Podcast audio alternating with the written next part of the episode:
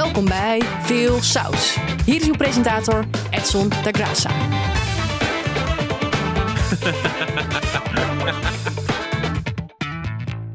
Nou, het lijkt alsof onze politici het erom doen deze dagen.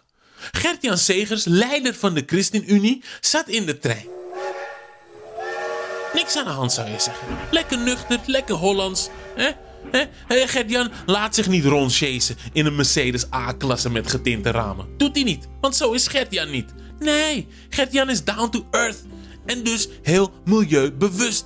10 punten voor Gert-Jan zou je zeggen. Waren het niet dat Gert-Jan de proeven voor het regeerakkoord met de VVD en de CDA laat liggen in de trein? Oh, mijn geute. Eerst was het Ollongren, die haar papiertjes loopt te flashen als een wulpse potloodventer. En nu dit. Zie je dan voor je dat Gaudi de bouwtekeningen van de Sagrada Familia in de trein zou vergeten?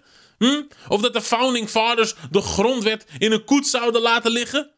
Hoe ziet in hemelsnaam die gevonden voorwerpenbak eruit bij de NS? Pinpassen, oordopjes, jassen, mutsen, handschoenen. Oh ja, en formatiedocumenten.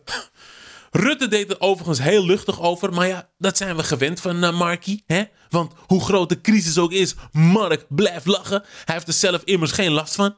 Overigens schreef Gert-Jan zijn error toe aan iets heel raars. Iets wat je politici zelden hoort beweren. Hij zei namelijk, sorry, ik ben een mens.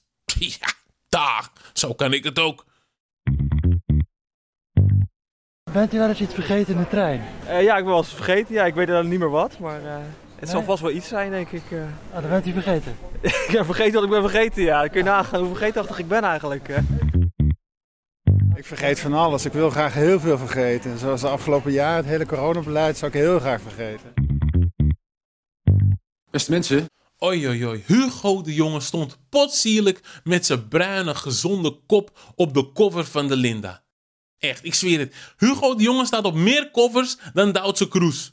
Het lijkt alsof de man geen antennes heeft voor de publieke opinie. Wie doet zijn management? Hugo wordt al sinds het begin van deze pandemie op de korrel genomen, maar het lijkt zijn ijdelheid niet te schaden. Tegenwoordig kom je trouwens ook veel video's tegen van Hugo waarin hij aangeeft dat hij nooit en te nimmer mensen zal verplichten om zich te laten vaccineren. De mensen die deze video's plaatsen doen dan net alsof ze Hugo Mooiboy de jongen hier op een leugen pakken. Maar het is niet zo. Want je bent nog steeds vrij om je niet te laten vaccineren. Alleen mag je straks geen moer doen.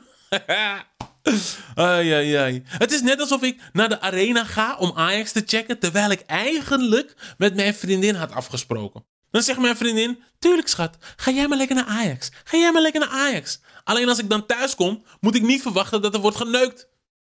Hugo heeft het over vrijheid. Hè? De vrijheid om je niet te laten vaccineren, maar die komt straks wel met heel veel beperkingen.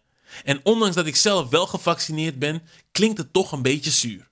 Ik zou iets anders willen voorstellen. Iets heel simpels. Prik of geen prik, just don't be a dick. Hoeveel G gaat het worden als het aan u ligt? Hoeveel G? Ik gebruik 4G geloof ik, hè? Snelste internet. Ja, toch? Ja, 5G nog beter. Ik heb geen idee. De basisschool is een brandhaard. Dit is niet de titel van mijn nieuwe boek. Nee, het is realiteit. Kinderen op de basisschool vormen de groep met de meeste positieve tests.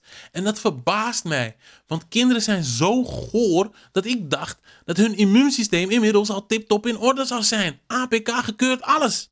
Kinderen zijn zo goor, zij kunnen snot op hun gezicht laten liggen totdat het krokant is. Dat als ze lachen, dat het lijkt alsof iemand een zakje krookje aan het wegtikken is. Kinderen zijn zo goor, kinderen hebben luizen. Luizen! Het is echt niet zo dat jij maandag naar kantoor gaat, dat je aankomt en dat je hoort: hey, Henk van Finance. Henk van Finance heeft luizen. Hoor je nooit. Alleen kinderen overkomen dat omdat ze goor zijn. Kinderen komen ook op plekken als, als Ballorig en Smalland. Of, of Monkey Town, dat soort vieze speelparadijzen. Als je daar de deur open doet, word je welkom geheten door warme kinderpuffwalm. He, dan moet je daar ook nog je schoenen uittrekken, wat een heel slecht idee is. Want die kinderen die moeten pissen. Nou, die til je dan hup naar de wc. Kom je daar aan, plats, plats, plats, stap je in de kinderpis.